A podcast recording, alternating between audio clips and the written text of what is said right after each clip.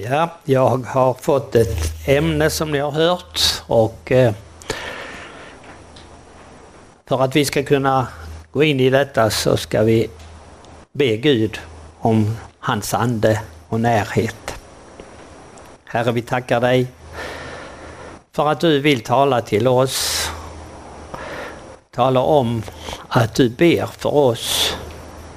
Tala om allt vad du har gjort för oss och gör för oss och vill göra för oss. Herre, vi lämnar oss i dina händer för den här stunden. Kom och var nära oss med din heliga Ande och tala till oss. I Jesu namn. Amen. Bönens möjlighet. Bön, vad är det för någonting? Ja, bön hör ju till all religionsutövning. Det finns väl ingen religion, jag kan inte alla hur man eh, utövar sin religion men jag vet ju att i, i stort sett alla religioner så ber man. Man ber på olika sätt, kanske med olika motiv. Men vi som kristna, kristen, varför det? Ja, du har ju en rikedom, du har ju en, ett löfte, du har en uppmaning att be. Åkalla mig i nöden så ska jag hjälpa dig och du ska prisa mig. Psalm 50 och 15, ibland kallas det för himlens telefonnummer. Tänk vad underbart att få lov att be och be därför att jag har fått en uppmaning, en möjlighet att få be. Gud själv, Jesus själv har uppmanat oss. Det är ett erbjudande, det är inget tvång, det är ingen regel, utan detta är något som är en erbjudande. Och varför ska man inte ta emot ett sådant erbjudande? Och då ska vi också tänka på att vi som kristna, vem ber vi till? Vem är han som vi kallar vår far i himmelen? Fader vår som är i himmelen. Det är han som vi hörde i sången, vi har hört det nämnas. Det är han som har skapat himmelen och jorden. Han som håller allt i sin hand, han som har gett ditt liv en mening. Det är han som vill någonting med dig. Inte en meningslöst liv i tomhet och hjälplöshet, i rädsla, i oro och allt detta. Nej, han har sagt kom till mig. Kom till mig alla ni som arbetar och bär på tunga bördor. Jag ska ge er ro. Och detta är någonting av bönens hemlighet, bönens möjlighet. Det är att få ro, få vila, få bli av med sina bördor. Vi bär alla på bördor, mer eller mindre medvetet. Och ehm, eh, det han vill är att vi ska komma med bördorna till honom. Många bördor syns inte på utsidan.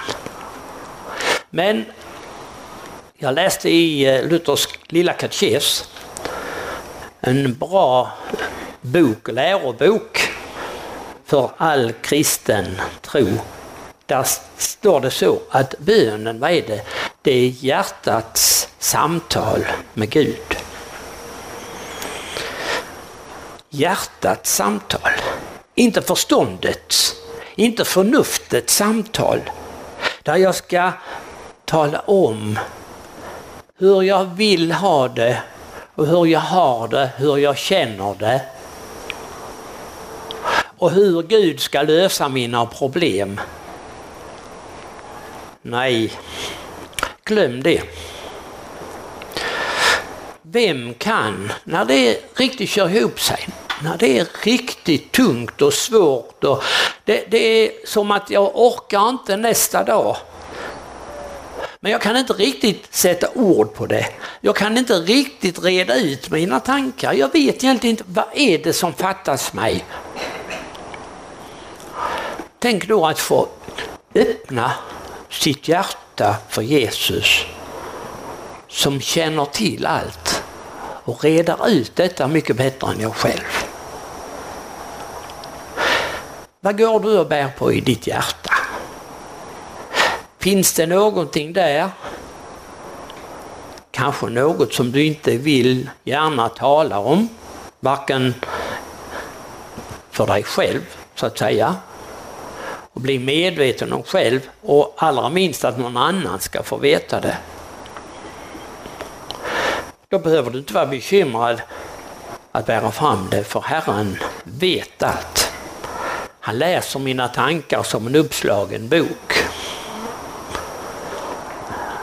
Det är gott att få lov och kanske bara sucka.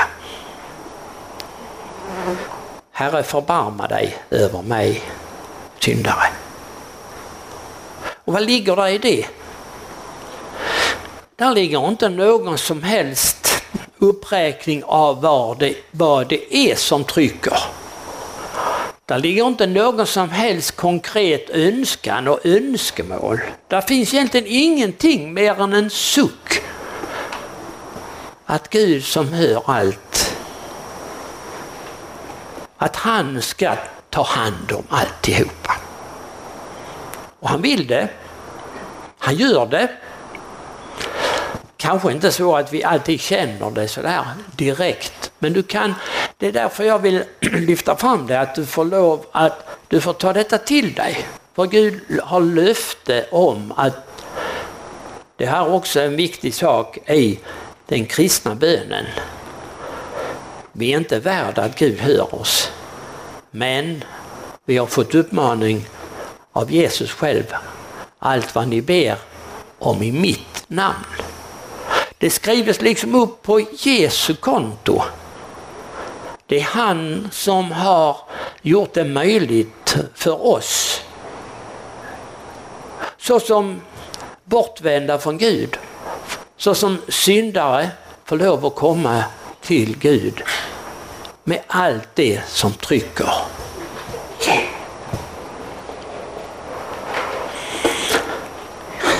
Jesu lärjungar de frågade, eller sa en gång till Jesus, Herre lär oss att be. Och vad fick de då för råd? De fick inte massa regler, så här och här och här och här ska du göra.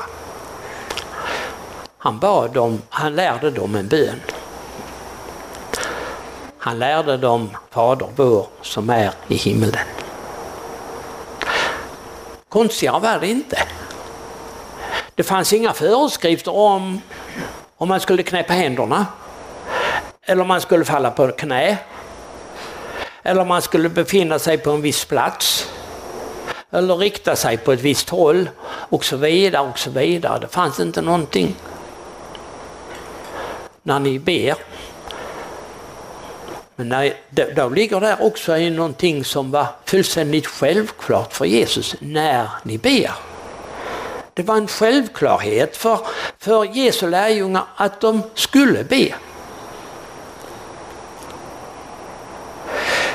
När ni ber, vi ska be Herrens bön sen, men jag vill bara säga då, mer gav inte Jesus och det var inte lite, jag säger inte det på det viset att mer än detta hade han inte att ge dem. För detta var någon oerhört rikedom att han lärde oss. Så här kan ni säga. Tänk vad tryggt det är.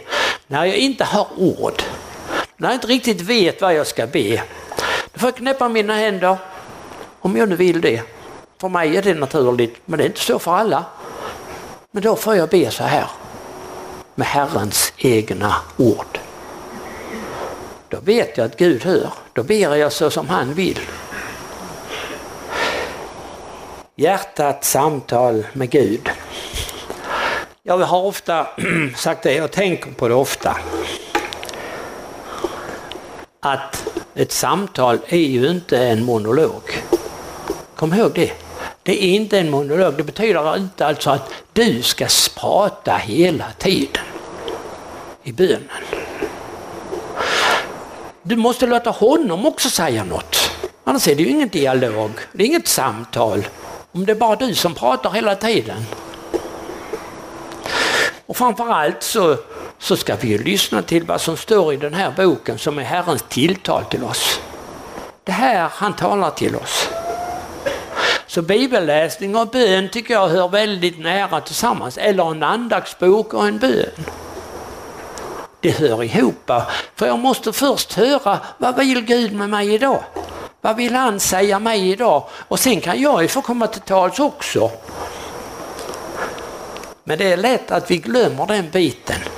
Och ibland tror jag också att det är nyttigt att avbryta sin bön och bara vara tyst. Bara vara tyst. Stillheten. Det är en bristvara i vår tid. Stillhet och ro. Att bara sitta ner och låta sinnet, hjärtat vara öppen för Guds tankar. Är jag inriktad mot Gud så talar han också till mig. Kanske en sångvers, kanske en bibelvers, kanske säger han någonting just när du inte har något att säga. Det är en rikedom att få lov att ha växt upp i, eh, i en atmosfär där Guds ord har förkunnats mycket, där vi haft möjligheter att lyssna på olika sätt i gudstjänster, till undervisning, att ha läst och sångerna inte minst tror jag är väldigt viktigt. Det har i alla tider talat särskilt till människor. Just när orden är formulerade. En människas tankar har formulerats så att man kan sätta en melodi till det och att det blir speciell ingång i en människas hjärta och liv. Jesus gav ingen befallning om att be. Det var en självklarhet. Han gav några råd. Ett råd var när du ber ska du inte göra som de som gärna vill märkas och tala om hur fromma de är och hur mycket de ber. Som de står på Jesu tid så var det inte ovanligt. Och det finns väl också i vissa kulturer och religioner i år, det är nu också, att man, man står och ber offentligt mycket och högt för att människor ska märka igen. Så ska ni inte göra. När du ber, gå in i din kammare och stäng igen din dörr och be till din fader som är i det fördolda. Du ser inte honom, ingen ser dig, men Gud ser dig, han är nära dig och där i stillheten, i tystnaden i din egen kammare. Jag tror det utesluter inte att vi får lov att be offentligt, i offentliga sammanhang, tillsammans med andra. Men jag tror att vi också behöver både en regelbunden bönetid, eller tider, samtidigt som Paulus säger be oavlåtligen. Förra veckan var jag på tältmöte i Snärsult och där hade man ett tema för hela veckan, Jesus 24-7. Jesus 24 timmar om dygnet, sju dagar i veckan. Att ha Jesus alltid i sina tankar. Och Det kan vi inte ha när vi är fullt uppe med ett arbete. Vi skriver kanske, vi har ett arbete, vi samtalar. Men har ändå, när jag på morgonen i min morgonbön säger, nu öppnar jag för dig Jesus. Nu är det öppet. Talar du till mig när du vill under den här dagen. Och tack att jag får lov att komma till dig när, när du vill och när jag vill. Att jag får komma när jag får en möjlighet. Det kan dyka upp tillfällen då jag känner att jag måste, nu klarar jag inte det här, nu måste, måste jag ha nu måste jag ha en liten stund med Jesus. För annars orkar jag inte med resten av dagen. Eller det kan hända så det här som jag har bekymrat mig så för och som jag har våndats för och som jag har bett Gud om och så nu löste sig detta problemet. Det löste sig så enkelt och så bra. Nu måste jag tacka Gud för detta. För bön är ju inte bara begära att jag vill ha bön. Utan jag lika mycket. Tack gode Gud. Tack för vad du ger mig. Tack för att du hör mina böner. Då blir ju livet på något vis ett liv med Jesus. Och vad bra det är. Bönen är en, en stor bit av detta liv med Jesus.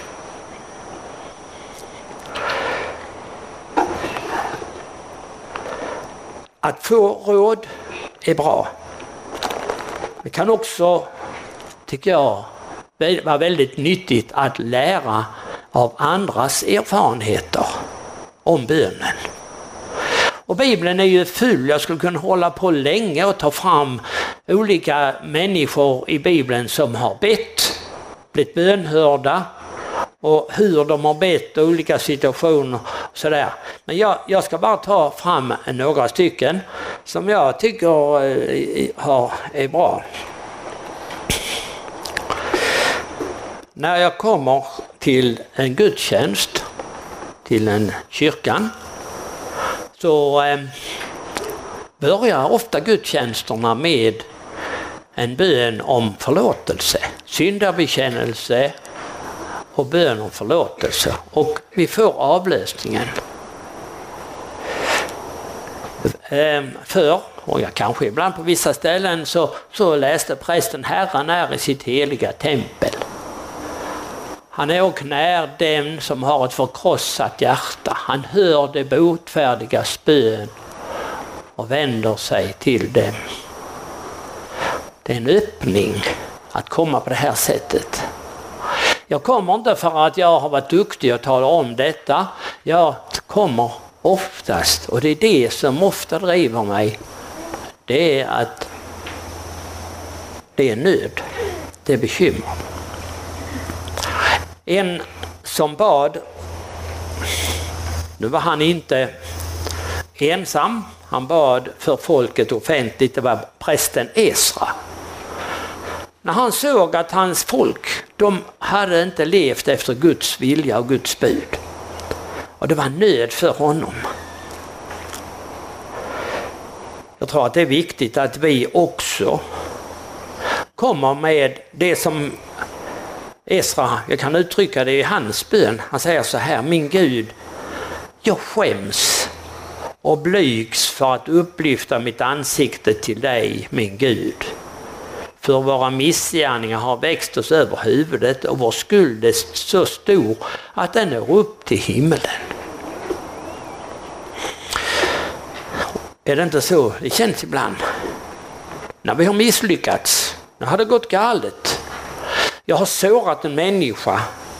Jag har gjort någonting som jag vet är fullständigt mot Guds bud och mitt samvete bränner. Jag skäms. Men Esra han vet också att han får trots allt komma. Han skämdes, han tyckte det var, han hade inte värd detta. Men han säger, men nu har Herren vår Gud bevisat oss ett litet ögonblick av nåd. Han har låtit en räddad skara bli kvar av oss och gett oss fotfäste på sin heliga plats för att han, vår Gud, skulle låta ljus gå upp för våra ögon och ge oss andrum i vårt slaveri. Det kan kännas oerhört tungt att leva i en värld där Guds ord förtrampas, förnekas, förlöjligas och på allt sätt jag dras med i detta. Och jag skäms kanske. Jag visste bättre. Men jag drogs med i de andra sätt att tala och så vidare. Men säger han, så får jag komma. Så har jag där i min kammare eller i gudstjänsten har jag fått ett litet andrum för att det ska gå upp ljus. Att Gud inte överger den som kommer på det här sättet. Tvärtom kung David sa, och hade, vi hade säkert inte fått det. Mina ben försmäktade vid min ständiga klagan. Dag och natt var din hand tung över mig. Min livssaft förtorkade som av sommarhetta. Så säger han, då uppenbarade jag. Då talade jag om min synd för Herren. och dolde inte min missgärning. Jag sa, jag vill bekänna för Herren min överträdelse. Då förlät du mig min syns missgärning. Hade det gått alldeles i kras för David så kan det ha gått för oss. Tala om det för Gud. Tala om det. Precis som Esra säger, då gav du oss fotfäste. Ett ställe att stå på och leva vidare och gå vidare, att falla på klippan Kristus. Klippa du som brast för mig, sjunger vi en psalm. Låt mig gömma mig i dig. Där får jag ha ro från allt som dömer.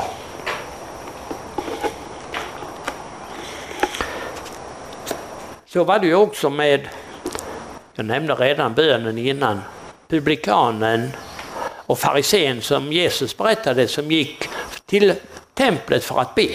Två olika män från två olika eh, samhällsklasser. Den ena en from jude, en farisé, som hade inget annat att göra än just att hålla Guds bud. Och han tyckte han hade lyckats. Jag tackar dig Gud att jag inte är som andra människor. Nej, han var inte som andra. Men det såg en stackare som var, var han som andra. Ja, kanske han var som de flesta av oss. Och det var han som bad Gud förbarma dig över mig syndare. Och Jesus sa, han gick hem rättfärdig men inte den andra. Han sökte förlåtelse och han fick förlåtelse. Den andra han sökte inte förlåtelse, han ville bara tala om hur duktig han var. Och det visste Gud redan, det behövde han inte tala om. Men han ville inte ha någon förlåtelse för misslyckande och synd. Hur är det? Misslyckande kan vara på olika sätt. Man kan känna sig värdelös, om jag får uttrycka det så, av olika orsaker. Det finns en berättelse i första Samuelsboken om kvinnan Hanna. Hon som inte fick några barn. Han, hennes man hade två fruar och den andra frun fick många barn, den ena efter den andra, men Hanna fick inga barn. Och på den tiden, och kanske det känns så också nu, jag vet inte, men det kan ju vara någon som här som inte har fått några barn och kan känna sig misslyckad, känna sig värdelös. Bönen har makt att hjälpa. Hanna, hon vände sig till Herren Gud. Jag säger det, vi kan känna oss värdelösa av olika orsaker, har misslyckats av olika orsaker. Men bönens möjlighet, det är en väg till öppning. Kanske inte det löser alla problem som vi hade tänkt oss. Men jag vill i alla fall säga att om Hanna, hon gick med sin man varje år till tabernaklet. Som, templet fanns inte på den tiden. Och jag tror att hon hade bett varje år till Gud om att hon skulle få en son, få ett barn. Men den gången, som det berättas om i första Samuelsboken, det var, det var alldeles förtvivlat. Hon låg, hon närmast kröp på marken i bön när översteprästen såg henne så trodde han att hon var full och, och, och tillrättavisa henne och se till att komma härifrån. Och då berättar hon liksom hur hela hennes kropp, hela hennes varelse utstrålade bara en, en förtvivlan och en hopplöshet, det är tydligt. Men när Eli eh, översteprästen får, får veta hur det ligger till så lovar han henne att hon ska få ett barn. Det är ju inte han som kan lova det. Men han är överste präst och han har också då en profetisk uppgift. Och Hanna får ett barn. Hon får sin son Samuel. Och då säger hon, om du ger mig Herre så vill jag ge tillbaka. Jag tycker också att jag vill ta fram detta bönens möjlighet. Att vi också får lova Herren, om du ger mig så vill jag ge tillbaka. Det är tacksamhet som ligger i detta. Hanna hon lovade att Samuel, han, som pojken så småningom hette pojken, han skulle tjäna Herren. Hon skulle ge honom tillbaka till Herren. Och då, jag vill läsa eh, eller tala om den här pojken Samuel som när han var avvand då ville hon alltså att han skulle ju växa upp där vid tabernaklet i helgedomen. Templet var det alltså inte, men det var där han skulle kunna få den allra bästa undervisning. Och det var där han skulle kunna få stå till tjänst inför Herren. Hon ville det. Och hon förberedde honom nog när han var väldigt liten för detta uppdrag. Hon berättade för honom om profetiorna, om eh, Israels folk, vad Gud hade gett Israels folk och alla löftena. Det var säkert inte så självklart det här med Jesus, men Messias väntade man på. Hon gjorde säkert så gott hon kunde. Och det tycker jag är ett föredöme som vi ska ta tänka på. Att vi ger våra barn undervisning så gott vi kan, så tidigt som möjligt. För när Samuel kom till äh, tabernaklet som mycket liten pojke så mötte han en helt annan attityd emot Gud och Guds ord. Eli prästen var gammal och blind och dålig. Hans söner de vanärade detta uppdrag de hade fått. Det var de som skulle ta över. Det var inte alls den ordning och den undervisning och den eh, aktning för det heliga som det borde varit i tabernaklet. Han hamnade alltså i en miljö som var allt annat än, vi skulle säga, ett kristen. Hur skulle det gå för Samuel? Skulle han dras med i detta? Nej. Här fanns en liten pojke som visste att här var, det här var inte rätt. Och han var öppen för Guds tilltal, även om inte han först förstod det. Men så småningom förstod översteprästen Eli den där natten när Samuel kom gång på gång och sa kallade du på mig? Nej, men nästa gång du hör rösten så säg tala Herre, din tjänare hör. Tänk om vi kunde lära våra barn just detta. När Gud talar till dig, lyssna. Lyssna. Han hamnade alltså i en alldeles ogudaktig eh, atmosfär och miljö. Men blev bevarad. Och det står sedan att Gud talade till Samuel genom sitt ord. Samuel studerade skrifterna, de skrifterna som fanns. Och Gud talade till honom. Gud kan bevara sina barn. I detta sammanhanget, det står inte, men jag tror att Hanna hon bad mycket för sin pojke. Och det är en viktig bit att vi också får be för våra barn en möjlighet att bevara dem. Det är väldigt svårt för oss att följa med dem till de blir vuxna. Vi kan inte vara med och vi kan, ska inte bevaka dem på det viset. Men vi ska bevaka dem genom bön och förbön. För där finns en makt i detta.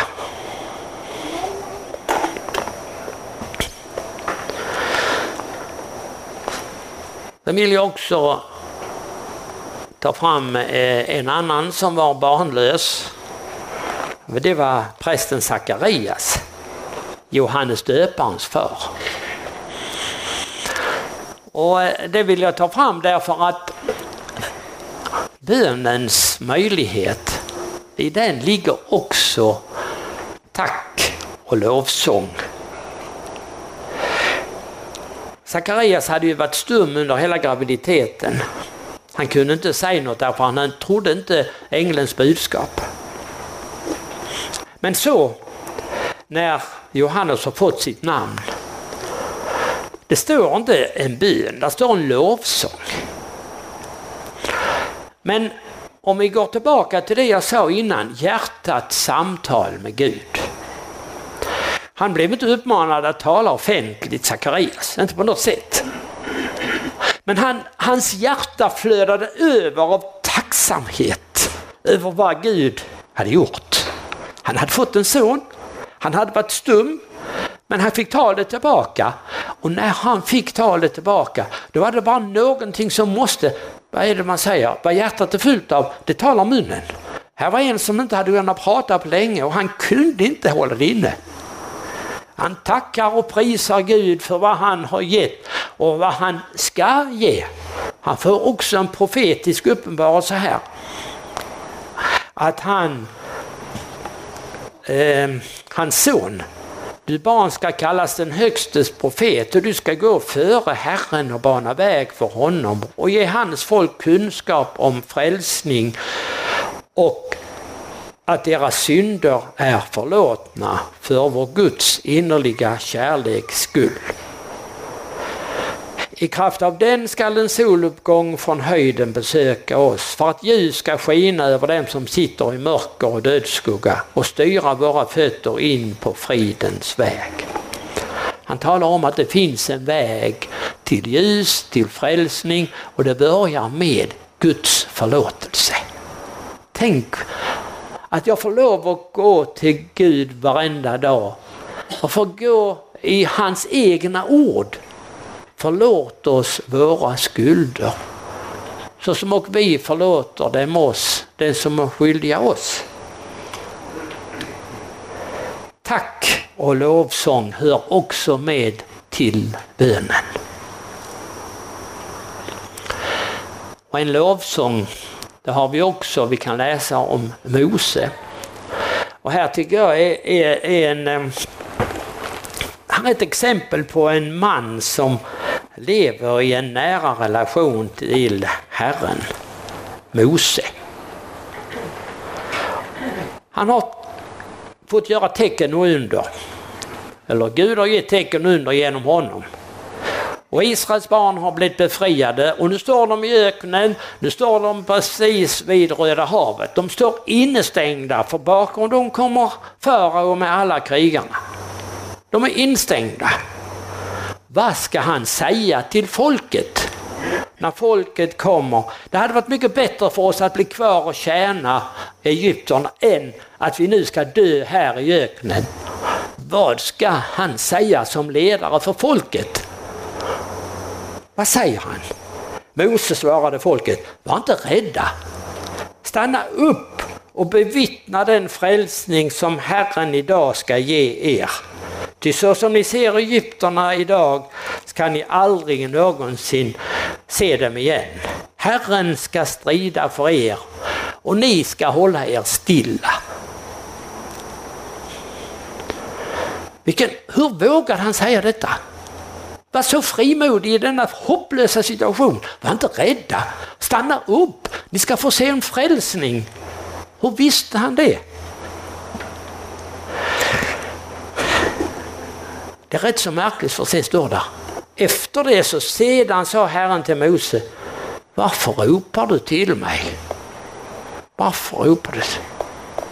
Där stod han och egentligen var han rädd så han darrade där inne men det syntes inte. Men orden utåt. Herren på något vis gav honom dessa ord att tala frimodigt och uppmuntrande till folket och de blev inte besvikna. Han satte sin tilltro till Herren och inte till sig själv på något sätt. Utan här var det Herren som ska strida för er. Ni ska bli stilla. Men samtidigt så var det ett rop och nöden och så kan det vara så för oss. Ja. Ni som har försökt att eh, kanske undervisa i söndagsskolan, eller kanske till och med predika, ni vet hur det är.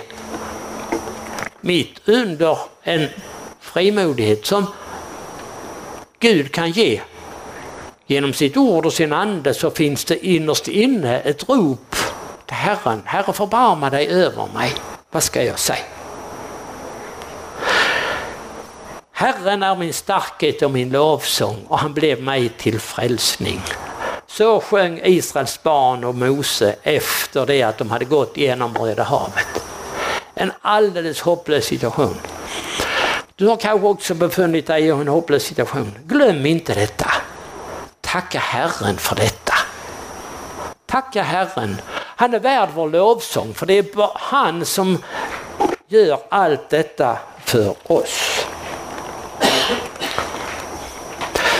Janne var inne lite grann i, för, i, i eh, inledningen på just förbönens betydelse. Bönens möjlighet. Förbönen, den är så oerhört viktig. Mose, jag går tillbaka till honom. Efter det att de hade gått genom Röda havet så dröjde det inte länge förrän de blev angripna av Amalek, amalekiterna, ett rövarband egentligen ute i öknen. Och Israels barn, det var inte några krigare. De, de, de var ett folks slavfolk som var på vandring ut ifrån Egypten. De hade inte stridit för att bli fria. Ingen var någon stridskunnig. Och så kommer en, ett rövarband mot dem. Mose går inte med i striden. Jag tror att Mose var utbildad krigare också. För han skulle ju bli prins, eller han var ju prins av Egypten. Men han använde sig inte alls av detta. För det fanns någonting som var mycket starkare för honom. Han gick upp på höjden. Han höll sina äh, bönarmar uppsträckta. Där han kunde se striden och så länge han höll armarna uppåt så vann Israel, Guds folk, och vann de seger. Inte en slutgiltigt till sist. Jo, det gjorde de till sist. Men när han sjönk så märkte han hur initiativet gick över till amalekiterna. Och så fick han höja och så fick han hjälp av Hur och eh, Josua och Hur. De ställde sig på varsin sida och till sist blev de så trötta, de stod hela dagen. Så han fick sätta sig ner och de la stenar under hans armar. Men så länge bönens armar var sträckta emot himmelen så till sist vann Israels folk en seger. Hur ska det gå i vår tid? Hur ska det gå för Guds folk i den strid som råder i världen? Ibland oss, i mig själv. Förbönens armar är så oerhört viktig för vårt, vår kristenhet. Inte bara i Sverige utan över hela världen. Där människor dödas varje dag för sin kristna tro. Där det ser ut som om djävulen och ondskan ska ta överhanden. Folk skräms och förbjuds att fira gudstjänst och så vidare. Är våra armar sträckta i förbön för, för allt detta? Har vi vårt hjärta vänt till Herren? Herre förbarma dig över ditt folk, dina barn över hela världen. Vi har anledning att göra detta. En församling som bad läser vi om i Apostlagärningarnas tolfte kapitel. Petrus var fängslad. Han hade predikat evangelium om Jesus och det var han förbjuden att göra. Men som Johannes han sa, vi för vår del kan inte låta bli att tala om vad vi har sett och hört. Och det hände saker. Han satt i fängelse. Han sov den natten. Dagen före, eller natten före han skulle ställas inför rätta. Ett par av hans vänner var redan avrättade. Det var väl med största sannolikhet så att han också skulle dömas till döden. Men Petrus sov. Men det var några som inte sov och det var hans vänner. För när han kommer ut så kommer han till ett hus, för det var ju så att ängeln kom och befriade Petrus. Bojorna ramlade av, alla dörrar öppnades, han gick ut på gatan och var en fri man. Då kom han till ett hus, Marias hus. Där var många församlade och bad. Det står inte att Petrus bad, han sov ju. Och så gick han. Han, jag vet inte om han hade gett upp. Petrus tänkte att nu, nu får Herren ta hand om mig. Det blir väl att jag blir halshuggen eller någonting imorgon. Eller korsfäst som min mästare. Men det får bli som det vill. Men det fanns andra som bad. Och Herren hade en större mening med Petrus. Han var inte färdig med Petrus. Han hade många till han skulle predika för. Och därför befriade han honom. Men förbönen, det var många som bad. Hur många är det som ber på det här viset? Dag för dag för Herrens vittnen som sitter i fängelse, åter till dessa förföljda på olika ställen i världen. Och de som får utstå hån här också i vårt land för sin frimodiga bekännelse och tro på Jesus Kristus. Är vi med i förbönerna för dessa? Men vi kanske också hamnar där i fängelse en gång. Paulus och Silas, de predikade också. Och de blev anklagade för någonting som de inte hade gjort. Satta i fängelse, långt ner bland alla de andra fängslade med fotbojor och handbojor. Och vid midnattstiden står det, då bad Paulus och Silas och sjöng lovsånger sjunga lovsång när man sitter i fängelse. Det, det är ju så mot allt förnuft. Nej, det är så hjärtats samtal med Gud. Det var inte förnuftet, det var inte förståndet som skulle råda i våra böner utan det var hjärtat. Och här fanns hjärtan som tackade Gud för att de hade fått lida för Jesu namns skull. Det var en ära för dem och därför sjöng de lovsång och tackade Gud för detta. Lovsången är det värsta djävulen kan höra.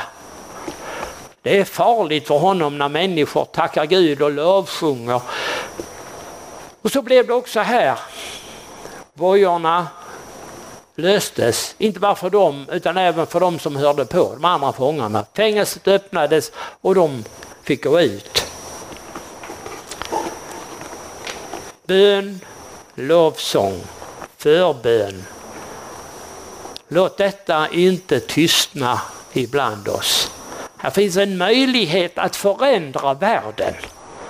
Förändra Eket och Örkelljunga och Skåne och Sverige och världen genom bön och bekännelse att Jesus Kristus är Guds son som har lidit och dött för mig och för alla människor. Låt oss tacka och lova. Herre, vi tackar dig för din underbara gåva du har gett oss och möjlighet att få lov att vända våra hjärtan till dig. Herre, vi vill lovsjunga dig för allt vad du har gjort för oss. Denna dag att vi lever, att vi rör oss, att vi får lyssna, vi får ha ditt ord. Herre, jag ber för alla dem i denna värld som inte får ha ditt ord, som lider förföljelse och som torteras och förnedras på olika sätt. Herre förbarma dig över dessa människor och var nära dem, ge dem kraft att stå kvar i tron på dig. Var du nära och fyll dem med din heliga ande och låt också deras lovsång till dig få förändra människor som torterar dem, som plågar dem. Herre, du är mäktig. Vi, vår tillit är till dig och till dina löften och ditt ord. Vi lämnar allt detta i dina händer. Hör oss i Jesu namn. Amen.